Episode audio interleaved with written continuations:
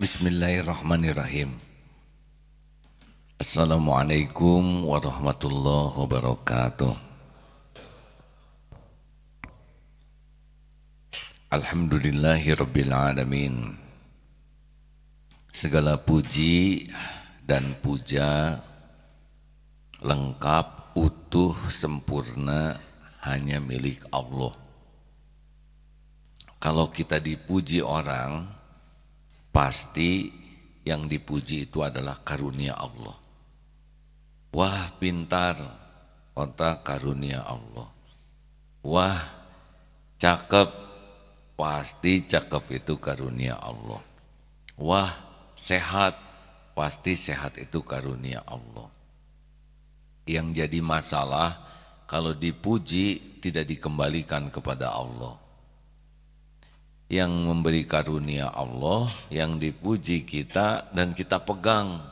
Itulah salah satu kesalahan orang yang tidak syukur. Yang kedua, kenapa kita dipuji? Karena Allah menutupi kita tiga hal. Satu, menutupi kita dengan kulit ini. Kulit ini dibuka, pasti beda penampilan kita. Benar? Coba saja kalau kulit hidung ini dibuka, pasti jadi beda urusannya. Dua, Allah menutupi pikiran-pikiran kita sehingga orang lain tidak tahu apa yang kita pikirkan. Bapak tidak tahu kan pikiran yang di belakang Bapak. Ya, coba kalau yang di belakang itu mikir kita tahu, pasti sengsara. Ini nih orang yang banyak dosa dan banyak hutang, juga banyak ketombe dan banyak koreng sakit hati gitu. Alhamdulillah saya tidak tahu pikiran jamaah. Kalau tahu betapa enaknya yang datang ke sini, iya ya si Agim teh hirup keneh kan tidak enak. Yang ketiga, Allah menutupi aib, dosa, kejelekan dan kekurangan kita. Inilah yang menyebabkan kita dihargai. Kenapa ada pemilihan di kantor jadi direktur ada yang terpilih. Ya karena Allah tutupi aibnya. Kalau tidak ditutupi aib tidak akan terpilih. Allahumma salli ala sayyidina Muhammad wa ala alihi wa ashabihi ajma'in. Saat ini dari tanggal 3 sampai tanggal 5 ada kapas mana itu? Pakai bahasa Inggris ini. Capacity building training. Ini bahasa Sunda nih. Capacity building training. Jadi ini adalah capacity building training di lingkungan provinsi Banten Kabupaten Lebak. Mana acungkan tangan teman-teman Waduh, menengabring 144 tuh sepi sekarang di kantor, ha? Diangkut ke sini semua. Jadi gimana itu kantor? Sepi. Bah, sepi. Masih banyak. Ini yang dibawa ke sini apa raja-rajanya? Kepala ah ini pasti karena ditutupin aibnya oleh Allah ya kan? Benar tidak? Kenapa jadi pada nunduk begini kan? Seperti yang dikatakan, kenapa Agim sekarang di sini, duduk di sini, didengar, ya cuma satu. Karena Allah nutupin aibnya. Kalaupun ada kebaikan di pesantren ini, itu pun cuma karunia Allah, tidak ada. Karena manusia itu kan punyanya cuma satu, yaitu aib dan dosa. Sedangkan semua karunia pasti datang dari Allah. Punya aib juga ditutupi oleh Allah. Kenapa bapak-bapak ini dihargai oleh istrinya? Palebak. Kenapa? Karena istri bapak tidak tahu kelakuan bapak yang sebenarnya ya. ah salah ikut pelatihan di sini mah pasti tutung hadirin datang ke sini gaya di sini langsung malu ya kan merunduk memang begitu pelatihannya pelatihan terpenting tuh pelatihan untuk jujur melihat diri sendiri Karena kalau orang tidak jujur melihat diri sendiri, coba minta botol minum punten. Ini ilmu botol penting ini ya. Karena kita ini sering hidupnya ini tidak berhasil melihat diri sendiri. Nih Pak, Bu, ini saya sangat menghargai ini oh, dari satu kabupaten ini para pimpinannya ke sini ya, Masya Allah, Alhamdulillah. Setahun pelatihan di sini berapa orang coba Pak yang dilatih dengan berbagai program? 22 ribu sampai lecek pelatihnya untuk hadirnya. Nah, ini ilmu yang sangat pentingnya begini. Berapa ini di Lebak yang gini Pak? 5000 karena isinya air. Air bening, air minum. Ganti isinya dengan jus. Ayo, berapa Pak? 10 ribu naik ya Pak ya? Oh. Ganti isinya dengan madu berapa? An? Yang nggak ngerti madu nggak usah jawab ya yang ngerti aja. Tergantung madunya. Kalau madu odeng di sana kan ada banyak, mungkin bisa 100 ribu kalau yang berkualitas. Kalau madu sider Oh satu juta setengah segini. Madu sidar itu madu maut. Ganti madu botolnya sama naik nih jadi seratus ribu. Jadi yang merubah tuh botolnya atau isinya. Ganti dengan comberan pak. Kan? Dibalangkan, dibangket ke comberan, benar ke tempat sampah.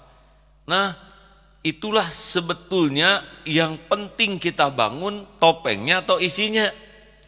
Nah, kalau topeng ini dibagikan oleh Allah, Pak. Jadi kalau saya jadi begini, sekarang mimpin Darut Tauhid dianggap sebagai kiai, itu mah udah garis. Tergantung ini isinya nih. Jadi kiai pecinta Allah atau kiai pecinta dunia. Sama ada bu bupati ya kan ibu-ibu kan ya ya kan? Ada bupati ada gubernur ada presiden. Allah itu baca saja dalam surat Ali Imran ayat 26 Tu'til mulka man tasya wa tangzi'ul mulka mimman tasya' Engkau berikan kekuasaan kerajaan kepada siapa yang engkau kehendaki, engkau ambil dari siapa yang engkau kehendaki. Wa tu'izzu man tasya wa tudhillu man tasya. Engkau muliakan siapa yang kau kehendaki, engkau hinakan siapa yang engkau kehendaki. Biadikal khair di tanganmu lah segala kebajikan innaka ala kulli syai'in qadir. Sesungguhnya engkau maha kuasa atas segala-galanya.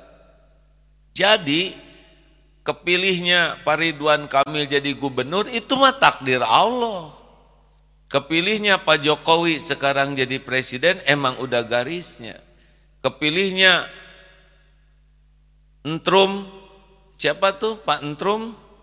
Mang Entrum jadi presiden Amerika itu juga udah garisnya. Oh iya, Dulu Mas Obama coba musuhnya Amerika di Afghanistan Osama ya mana beda sehurup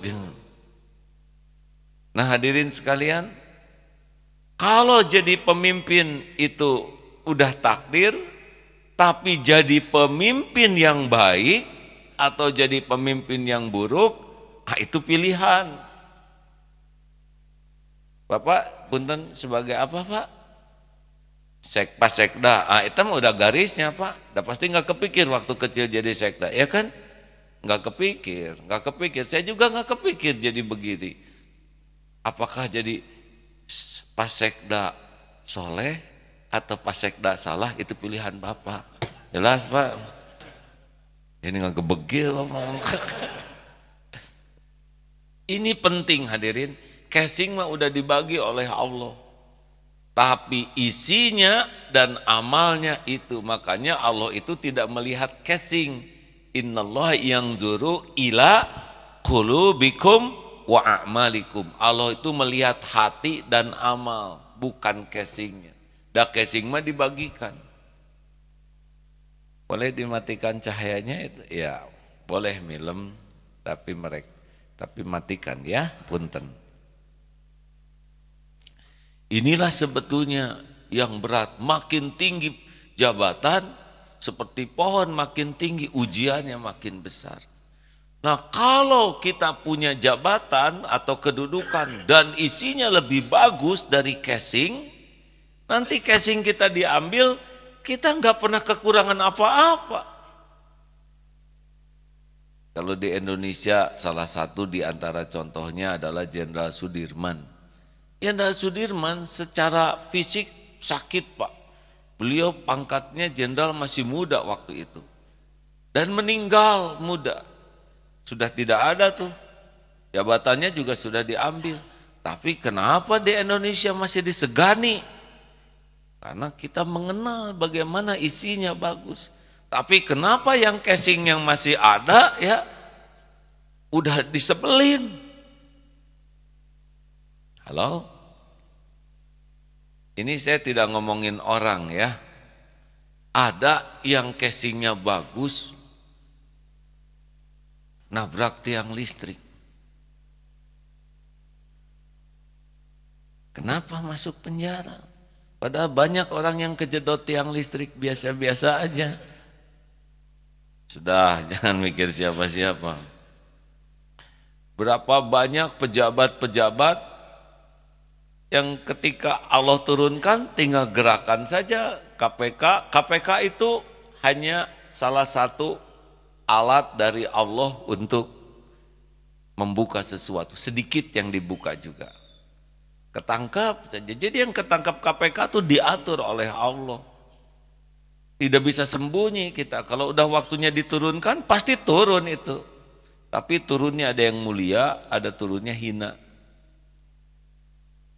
Makanya hati-hati para pejabat, gak lama jabatan tuh ya. Yang bekal lama tuh pertanggung jawaban dunia akhiratnya. Obat pejabat. Ah salah ya, ya pelatihan di sini mah. Di Lebak saya dihargai, di sini jadi terdakwa. Hadirin sekalian, lo itu yang penting. Bagaimana kita bisa melihat diri. Nih, Orang sekarang banyak pergi ke rumah sakit untuk general check up. Benar? Mahal tah? 2 juta, 3 juta hanya untuk mengecek casing, betul? Ya casing teh. Jadi kalau ada bapak-bapak, ibu-ibu makannya banyak, Pak, Bapak nggak ada pantangan? Tidak ada. Padahal umur sudah di atas 50, itu cirinya khas. Dia nggak pernah cerit diperiksa tuh ya. Nggak nggak mau di check up. Dan kalau udah check up udah pasti ada yang rada butut onderdilnya kita berani bayar supaya tahu check up terhadap fisik kita. Tapi sedikit orang yang mau general check up hati kita. Jadi terima kasih ini Ibu Bupati yang mengajak timnya untuk general check up ke sini. Di sini mah nggak diperiksa lahir lah, dah udah jelas aki-aki ya. Tapi hatinya gimana nih? Nah ada beberapa penyakit yang bahaya bagi para pejabat dan kita semua, yaitu penyakit tengil. Coba apa Pak? T-nya itu takabur. E-nya egois. Hafalkan, kalau hafal nanti hadiahnya umroh. Umroh sama-sama ya ketemuannya di depan Masjidil Haram. Ke sananya ongkos masing-masing. T-nya apa? Tengil lagi takabur.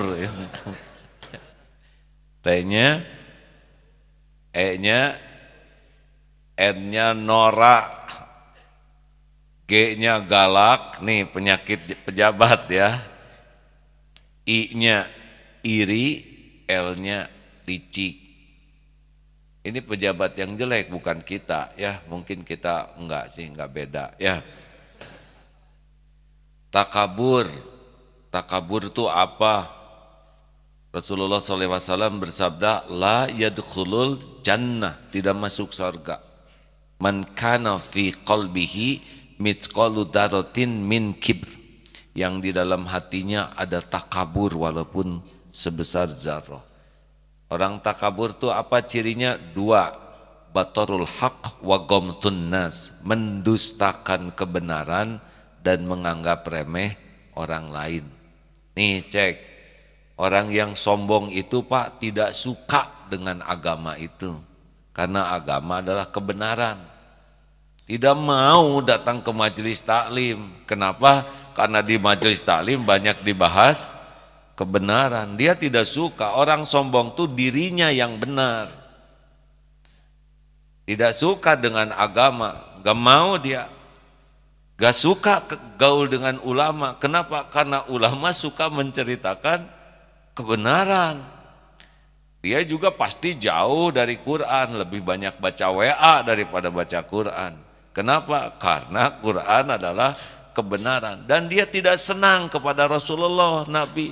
Dia pasti punya idola yang lain. Kenapa? Karena Nabi adalah contoh kebenaran. Jadi kalau orang sombong tuh tidak harus kaya Pak, yang miskin juga banyak yang sombong. Cirinya adalah tidak suka kepada kebenaran. Ayo cek masing-masing. Ini lagi di general check up nih. Banyakan baca apa? WA atau Quran. Hati ibu-ibu, cok ibu-ibu berapa nih? 61. Bu, sampai ada suami yang kagum sama istrinya menjelang tidur tuh. Suami nge-WA tuh sama ustad, ustad apa ya amalan istri saya? Istri saya tuh wajahnya bercahaya walaupun ditutup selimut begitu ada. Dah kia di. Itulah kehebatannya.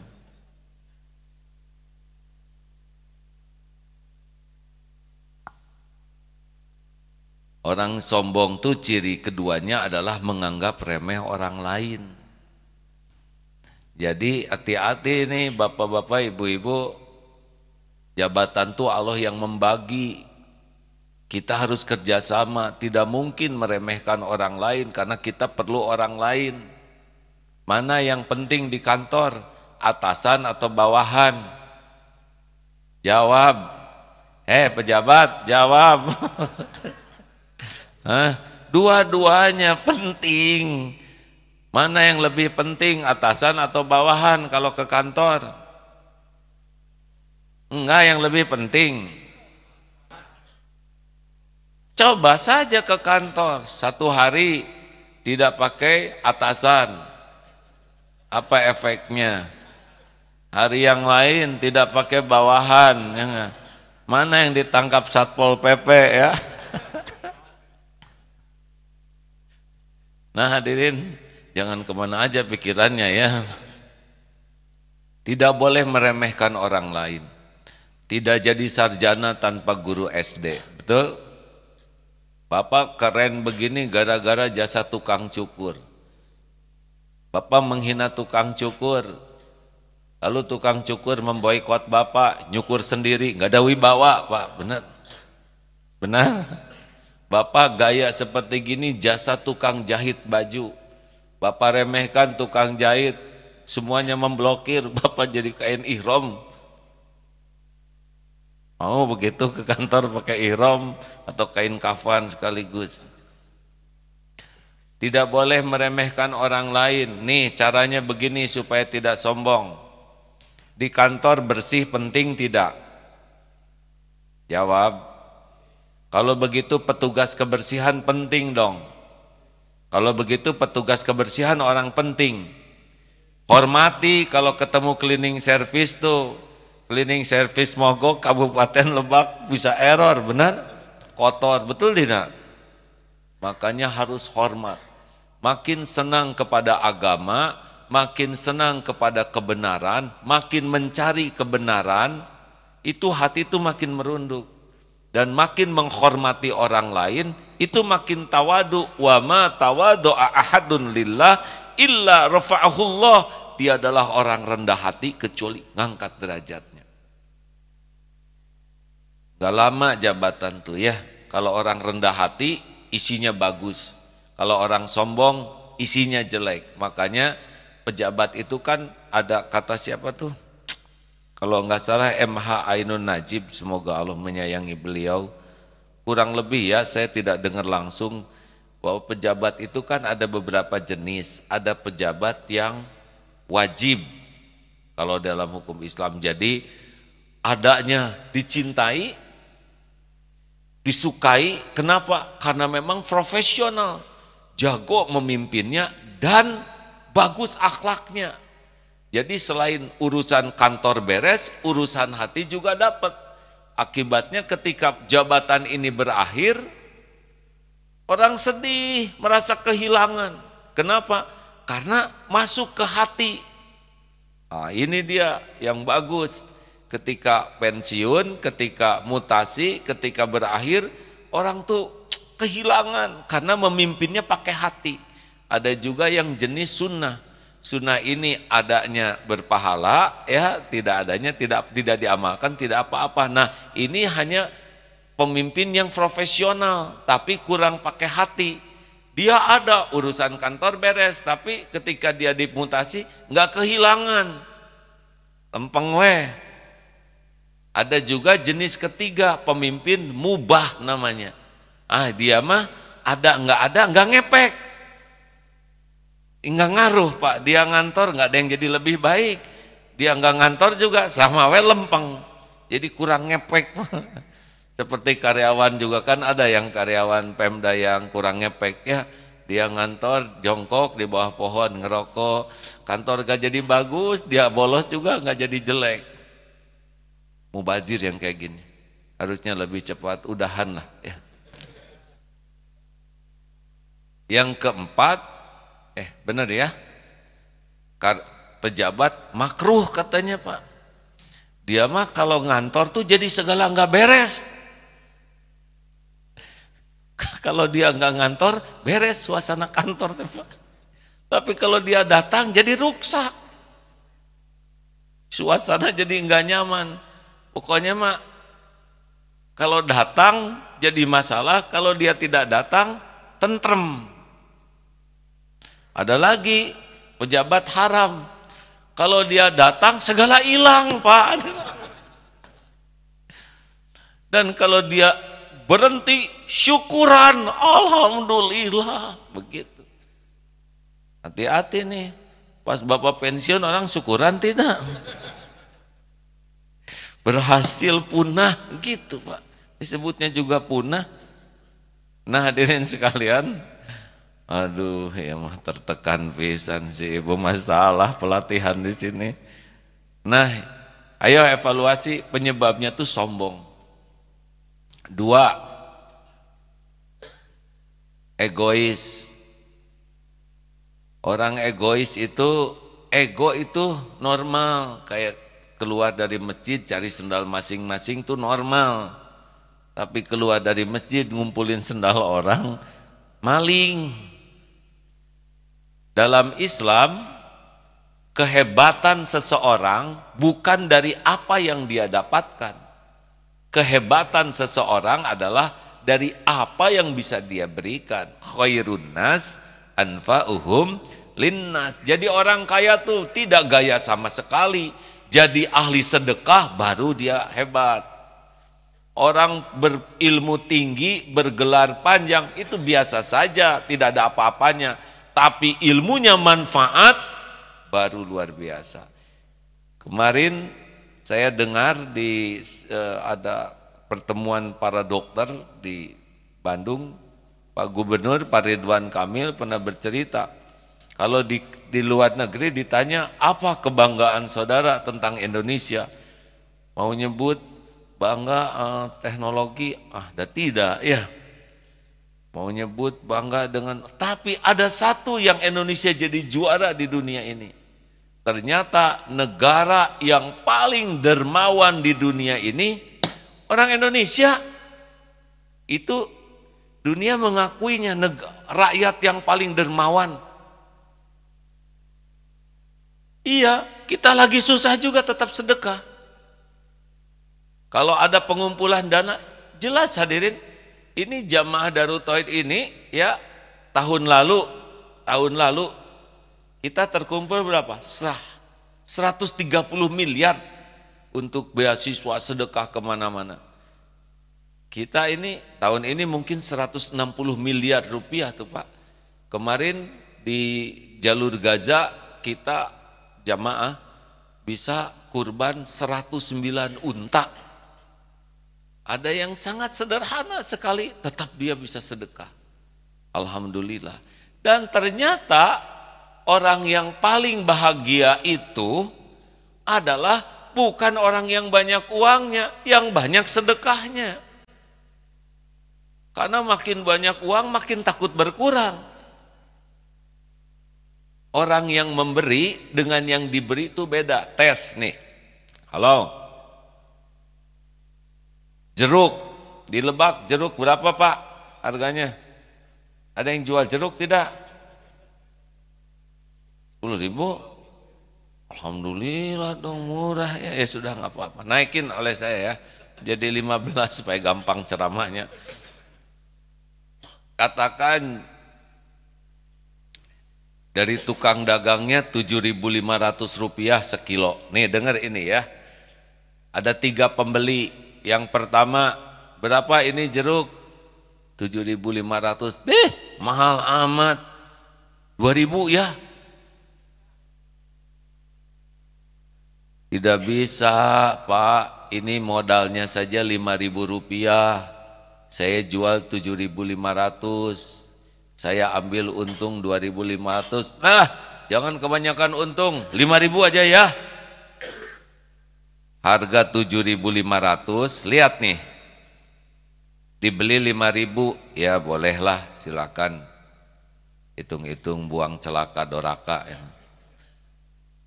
Coba itu kata tukang dagang hitung-hitung buang sial pindah ke bapak ya.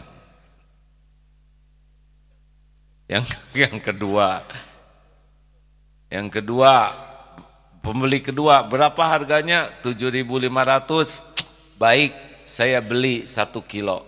Harga 7.500 dibayar 7.500. Itu yang kedua. Pembeli ketiga, berapa harganya? 7.500. Oh, saya beli satu kilo, bayar 10.000. Ini kembaliannya tidak usah, silakan saja ambil untuk bekal anaknya sekolah. Jawab semuanya, mikir. Mana kira-kira di antara tiga orang itu, satu, dua, atau tiga, yang hidupnya bahagia? Bayangkan. Hah?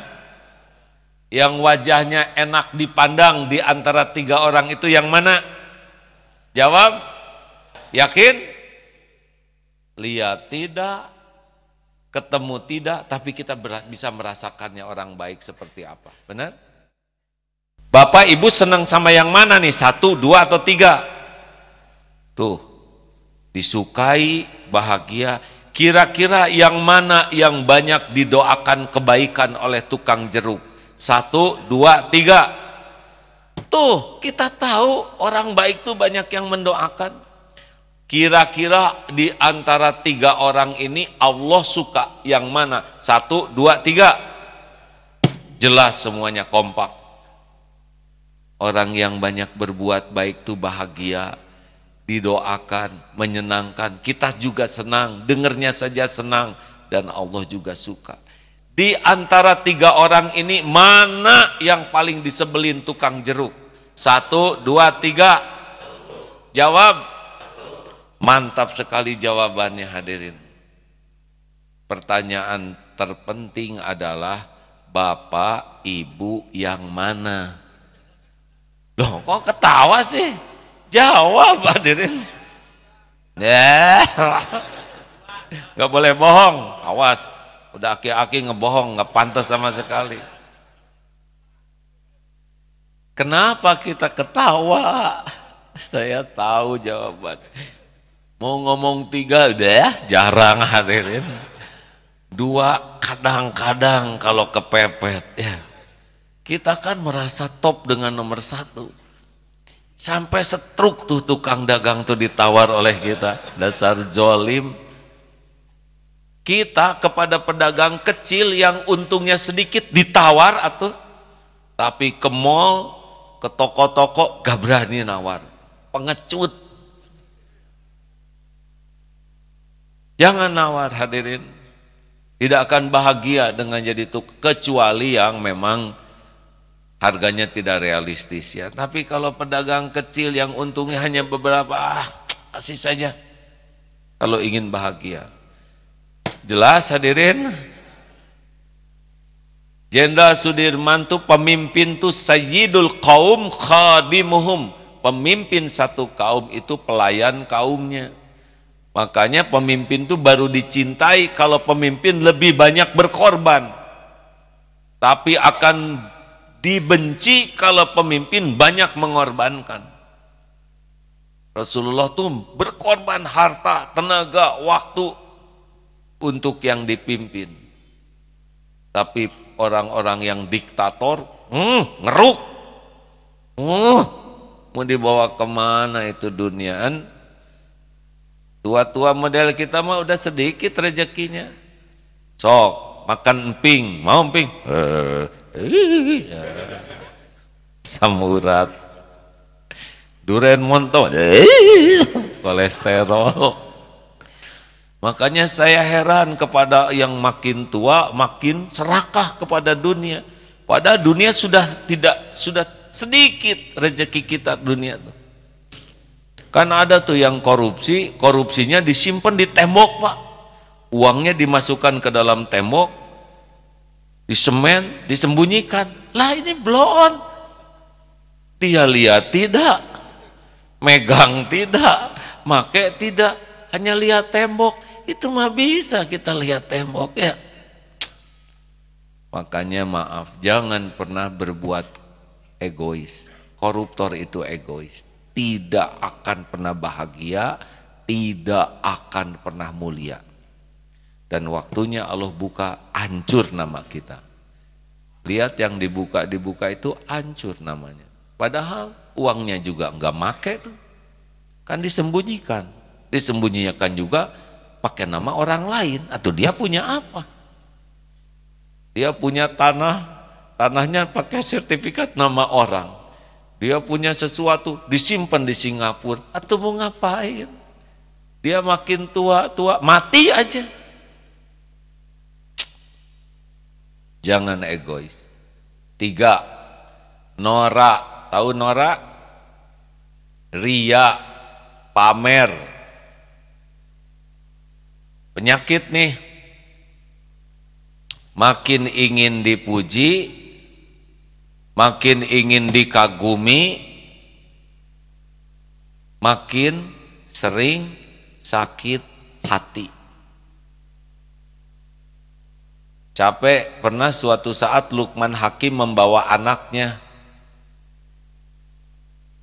Ini kisah Lukman Hakim yang bijaksana ya, bukan Lukman Hakim yang lain. Bawa anak ke pasar, bawa keledai, nak, bawa keledai, siap. Pertama naik, bapak, maaf kalau kurang tepat, sampai di sebuah bukit ketemu sekelompok orang, ini bapak tidak punya perasaan. Masa dia naik anaknya yang nuntun Salah. Akhirnya bapak turun, anak naik. Sampai bukit kedua, ketemu lagi sekelompok orang yang berbeda. Ini anak kurang ajar. Masa dia naik keledai? Bapaknya jalan, salah lagi. Akhirnya naik berdua. Sampai bukit yang lain ketemu lagi orang. ini orang tidak berperi kekeledaian. Keledai satu dinaikin duaan, zolim. Salah lagi, akhirnya dua-duanya turun. Tidak dinaiki. Sampai ke pasar. Kata orang pasar, ini orang blow on, bodoh. Punya keledai nggak dinaikin, salah semuanya Pak. Demikianlah kalau hidup ingin dinilai orang, tidak ada habisnya. Makanya cukuplah wakafa billahi syahida. Cukup. Allah yang jadi saksi. Jelas nih hadirin. Kalau mau berbuat baik, berbuat aja yang terbaik. Seperti matahari hanya memberi, tak harap kembali. Seperti jantung berdetak tiap saat, berdegup tiap waktu, tidak pernah menonjolkan diri yang menonjolkan diri itu ambeien jerawat tumor. Sakit semuanya. Jadi kalau bapak ibu sering sakit hati berarti bapak ambeien. Karyawan yang overacting yang ingin kepuji terus ah tidak ada bahagianya. Penyakit itu. Jadilah seperti jantung, berbuat yang terbaik setiap saat. Tidak perlu dinilai orang, tapi kita hidup dengan jasa jantung. Jadilah seperti akar pohon, menghujam ke tanah, terus menghisap saripati, membuat pohon kokoh, tegak, rindang, berbuah. Itu jasa akar tuh. Tidak pernah menonjolkan diri. Atau seperti gula. Gula tuh bikin manis, Jarang dipuji. Coba kalau membuat kopi kurang manis, siapa yang disalahkan? Ini kurang gula nih. Terlalu manis, siapa yang disalahkan? Terlalu banyak gulanya nih. Kalau pas, enak, siapa yang dipuji? Ini kopi sedap. Kasihan gula ini. Kalau roti manis, tidak disebut roti gula, martabak manis tidak disebut, tapi martabak telur dipuji itu telurnya Pak. Giliran penyakit, ini nih penyakit gula gitu Pak. Ikhlas we gula Mau bahagia? Jangan ingin dipuji, Jangan takut dicaci ya.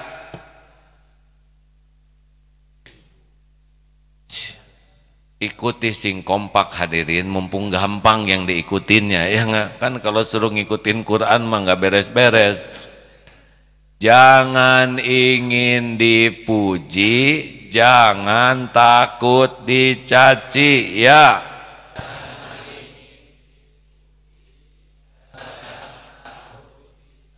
Sekali lagi.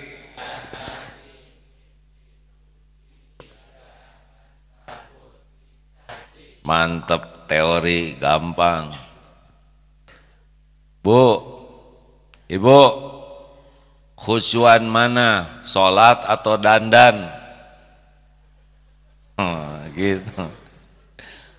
Nggak bisa bohong, jadi dosa. Sebagaimana kita sering membagus-bagus casing, harusnya kita sibuk juga membagus-bagus hati. Karena Allah tuh melihat hati kita. G, galak. Galak tuh marah, emosional. Tidak boleh galak jadi pemimpin, Pak, Bu. Kalau marah itu ujungnya zolim. Jadi harus bagaimana dong? Harusnya tegas, dah santun. Pemimpin itu bukan pemimpin pemarah, tapi pemimpin yang tegas dan santun. Apa bedanya? Bedanya kalau marah asalnya nafsu, keluarnya marah, ujungnya pasti nyakitin orang. Harusnya tegas dan santun. Kalau tegas itu asalnya di sininya takut ke Allah, keluarnya tegas, ujungnya adil. Enak kalau adil. Bagaimana caranya supaya tegas? Kalau orang marah tuh tidak jelas sumbernya dan juga tidak jelas solusinya. Kalau orang tegas tuh dua kuncinya. Satu, fakta. Dua, aturan. Nah, contoh begini. Preng, piring pecah.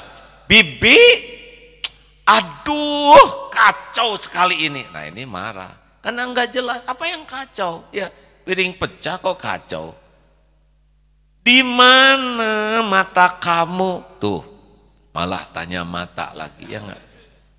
Dan bibinya lebih cerdas. Ini bu. Ibu juga tahu monyong. Nah, ketika nyebut monyong pasti yang ngambek yang monyong, ya kan? Dasar kamu ini orang kampung. Kata si bibi, lah kita kan di kampung se-RT bu.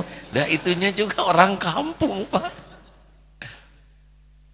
Kamu mau menghancurkan rumah tangga ibu. Masa piring pecah rumah tangga hancur, ah yang benar aja. Jadi kalau orang marah tuh wajahnya jelek, kata-katanya buruk seperti yang tidak berpendidikan. Coba lihat, kalau ada yang marah direkam. Nanti kalau udah jinak ditayangkan lagi. Malu. Malu, Pak. Bener tapi ya janganlah kalau bupati lagi marah direkam jangan ya nanti bisa turun jabatan ya. Tapi ngerekam saja sendiri jelek banget. Wajah jelek, kata-kata jelek, kesehatan jelek, gak ada untungnya jadi pemarah.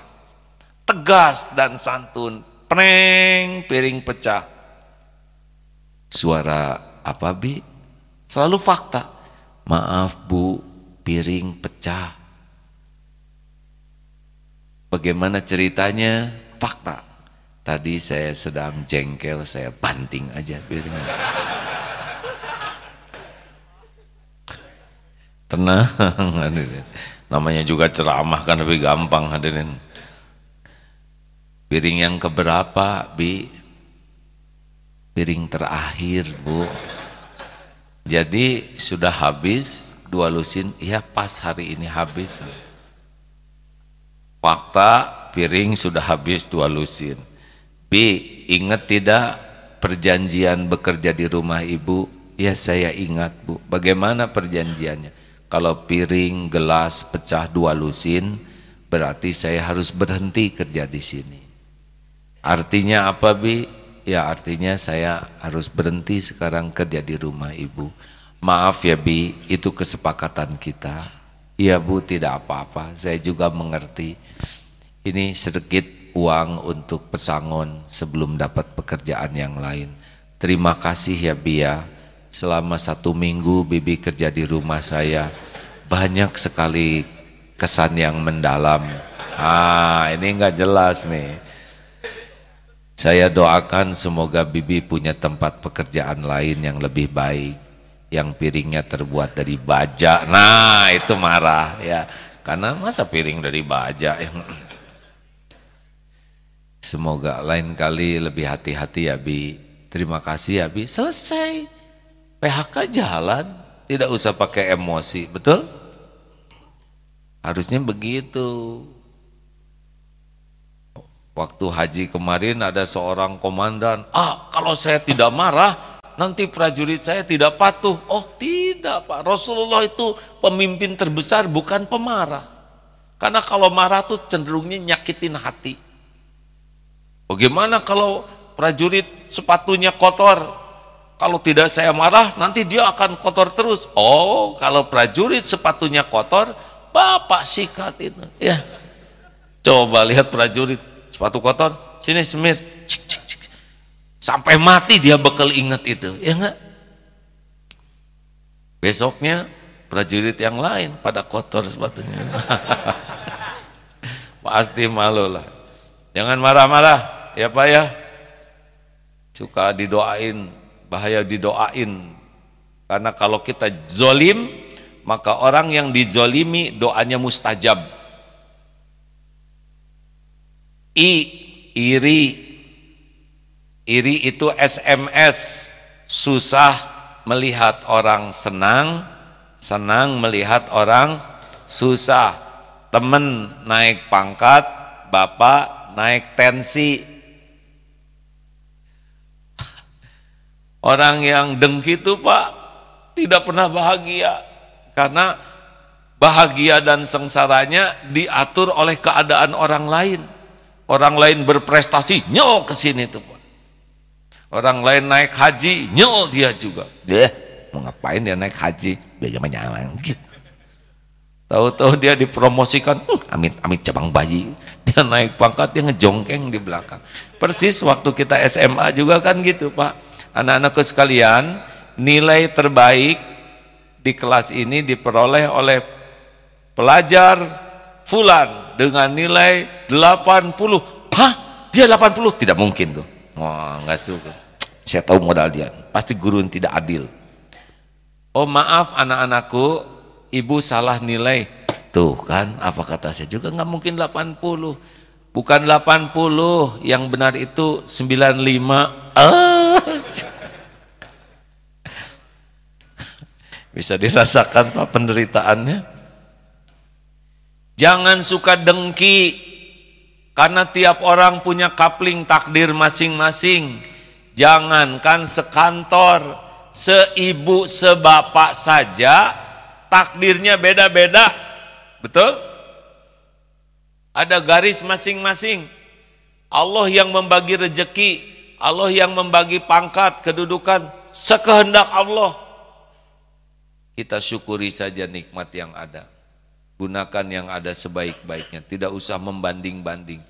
Lihat orang lain bahagia, kita ikut bahagia. Lihat orang lain susah, kita ikut prihatin. Terakhir, jangan licik. Lawannya licik adalah jujur. Hebatnya setiap orang itu senang kepada orang jujur. Mau belanja kepada orang pedagang licik atau pedagang jujur? Jawab mau punya anak-anak pembohong atau anak yang jujur? Pak, Bapak, hei para suami, apakah Bapak mau punya istri yang jujur atau tidak? Mau tidak? Bapak mau punya istri yang jujur? Jawab, walaupun Bapak Berapa banyak laki-laki yang tidak jujur ingin istrinya jujur? Padahal dia sendiri kurang. Bahkan katanya penjahat juga pak. Mencari kawan tuh yang jujur. Kamu harus jujur loh. Lah kan kita penjahat pak. Tidak apa-apa, yang penting jujur. Gitu. Loh iya penjahat banyak yang marah karena temannya tidak jujur. Padahal dia juga tidak jujur. Aneh. Bu, ibu, Apakah ibu mau punya suami yang jujur? Jawab, mau tidak? Apakah ibu siap? Kalau suami ibu mengatakan yang sejujurnya. Tidak, inilah masalahnya. Suka enggak jelas. Suami minta istri jujur, dia enggak, ya enggak. Istri ingin suami jujur, giliran jujur dikamplang hadir. Pernah dengar tidak Pak cerita anaknya kuliah baru semester 1 ingin menikah. Udah dengar cerita ini belum? Pak, saya ingin menikah. Hah? Oh menikah? Baru juga kuliah semester 1 sudah ingin kuliah belum selesai, kerja belum. Ya ada kalau ingin mah ingin. Ah, Ngaco kamu coba bilang sama ibu terus terang sejujurnya. Pergi ke ibunya, Bu, saya ingin menikah. Apaan kamu ini? Gak pakai pikiran, sekolah belum beres, ngasih makan istri dari mana? Gak akan benar itu ngaco cita-cita. Sudah pergi sana, kamu perut panjang lebar. Dimarah oleh datang lagi ke bapaknya Gimana nak, kata ibu sesudah terus terang. Dimarah pak habis-habisan. Ya iya dong, bapak aja punya rumah dua, punya mobil tiga, ngomong sama ibu, bu saya ingin nikah, ditempeleng, apalagi kamu belum punya apa-apa, pikir dong.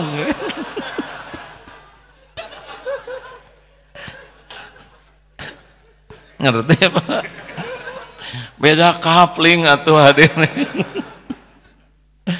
ini dua jujur yang berbeda jenisnya si bapak lagi mencampur adukan. Sudah ini enak ketawa ya. Udahan ah. Terima kasih. Ingat ya pak ya. Barang siapa yang jujur hidupnya akan mujur dan makmur. Barang siapa yang tidak jujur pasti babak belur dan hancur. Nabi Muhammad sallallahu alaihi wasallam mengawali karirnya sebelum jadi nabi dengan gelar Al-Amin, orang yang jujur terpercaya. Hasilnya sampai sekarang langgeng kemuliaannya. Penelitian di Amerika Serikat ilmiah dari 700 orang yang dianggap paling sukses di Amerika diuraikan kriteria apa yang membuat orang sukses. Ternyata bukan pintar, bukan masalah sekolah yang baik, bukan masalah ranking yang tinggi. Ternyata yang pertama adalah kejujuran. Baru yang kedua disiplin. Baru yang ketiga pendamping atau lingkungan yang menguatkan. Yang keempat mencintai apa yang dia lakukan. Itu ternyata membuat orang berprestasi. Ini berita gembira bagi yang kurang pinter. Ya,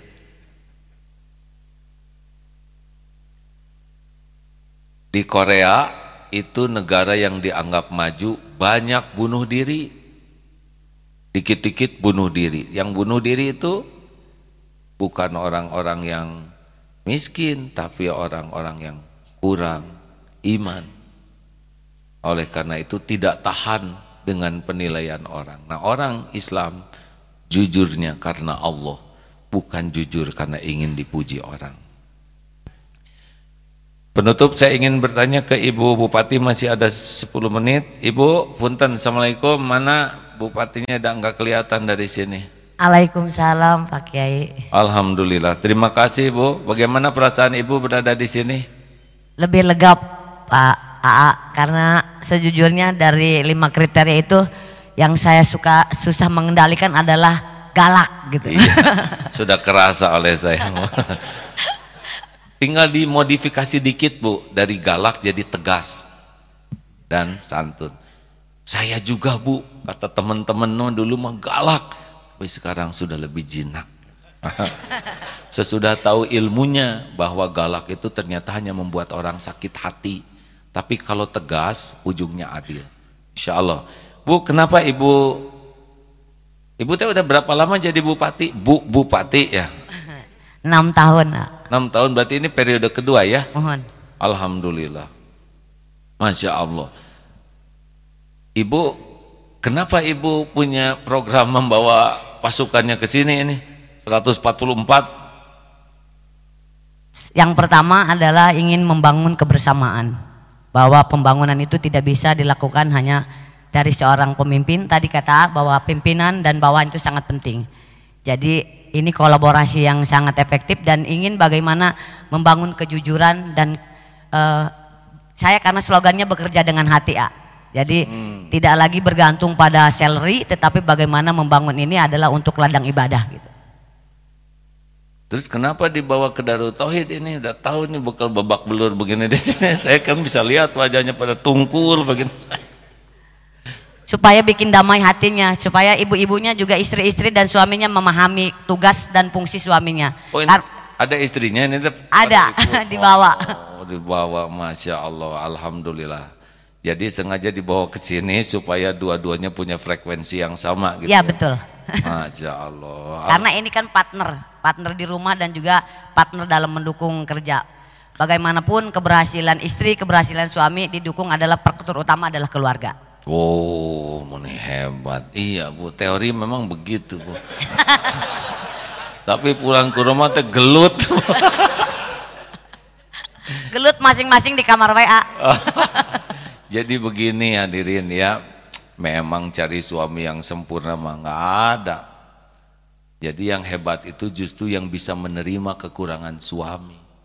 Dah bu, bu, ibu-ibu, terima yang ini ya, mau yang mana lagi?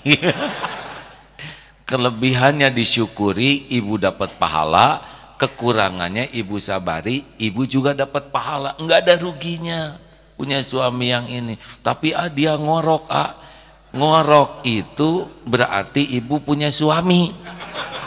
Dan masih hidup suaminya. Pokoknya rahasianya mah sederhana hidup mah cuma dua syukur dan sabar. Kasih karunia syukur nambah nikmatnya pas diberi ujian sabar. Dan banyak mana antara nikmat dengan ujian? Banyak mana? Banyak nikmat atau banyak ujian? Nikmat itu setiap saat. Sedangkan ujian itu bisyai.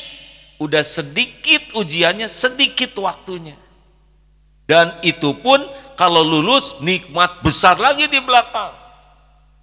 Makanya sing sabar. Jadi kalau bupati lagi marah, ya doakanlah. Capek jadi bupati. Capek nggak sih bu? Kan? Kalau diniatkan ibadah, enjoy aja. Ah. Waduh, kumaha enjoy ya. Padahal pasti berat. Benar itu hadirin. Ada Tadi juga seperti yang AA yang sampaikan, orang lain tidak tahu apa yang dipikirkan oleh kita. hmm, benar. Jadi menjadi diri sendiri dan aku yakin kalau kita berada di jalan yang benar, Allah akan mudahkan semuanya. Benar bu, benar bu. Pokoknya kalau kita sibuk dengan penilaian orang, capek. Kalau kita sibuk dengan penilaian Allah, nikmat. Boleh saya beri satu bonus bu? Selain tadi, nah pastikan ada yang ngomong nggak enak ke kita. Ya dengerin ini pak. Kalau ada orang yang ngomong nggak enak ke kita, kita harus sibuknya bukan sibuk mikirin dia, tapi yang pertama sibuk evaluasi diri. Kayak cermin, itu yang cermin tuh yang paling penting teh cermin yang jujur. Ibu-ibu kan rajin bercermin, ya kan? Bangun tidur ngaca, mana hirup kene. Ke kamar mandi ngaca, keluar ngaca, lewat jendela ngaca ke jendela, betul? Naik mobil kaca spion. Lagi diem, itu tas dibuka teh, buka, eh, gitu ada. Kenapa? Enggak bosan itu teh lihat wajah sendiri, Bu. Yang dicari pasti yang kurang. Takut ada belek, takut ada korong, bener? Takut patot alisnya nyengsol. Dan kalau didapati informasi yang salah tentang wajahnya, nggak pernah rewel. Misal ada, ih apa nih kotor? Am, beres, hadirnya nggak. Misal. Nah harusnya kita gunakan orang-orang yang tidak suka ke kita tuh sebagai cermin. Sudah jangan takut. Walaupun orang berkata seburuk apa pun, setajam apa pun, ingat ya, ini jawabannya. Siapa yang menciptakan kita? Siapa yang menghidupkan kita? Siapa yang memberi rezeki kepada kita? Siapa yang mengangkat derajat kita? Siapa yang ngasih pahala? Siapa yang ngasih husnul khotimah? Siapa yang punya sorga? Kalau semua karunia dari Allah, kenapa harus capek memikirkan mulut orang? Tuhan kita tuh Allah, bukan mulut orang, bukan media. Jangan takut, jangan takut. Yang takut tuh justru kita yang ngaco. Tidak akan jatuh kita dengan dihina orang. Kita jatuh tuh oleh kehinaan kelakuan kita sendiri. Saya sudah nyobain dihina rame-rame. Tahu kan? Tahu kan? Waktu itu. Gak ada bahayanya. Lihat Darut Tauhid jadi lebih baik dibanding dulu jauh. Dulu malah bahaya tuh kehinaan kelakuan saya. Dihina tidak bahaya. Yang bahaya itu adalah kita yang menghina atau kita tidak pernah mengevaluasi kehinaan diri kita. Jawabannya untuk yang tidak suka ke kita sederhana. PDLT. Apa PDLT santri? Perbaiki diri dan lakukan yang terbaik. Itulah jawaban yang paling mantap bagi orang yang menghina kita. Perbaiki diri dan lakukan yang terbaik. Udah, biar Allah nanti yang menjelaskan ke siapa pun.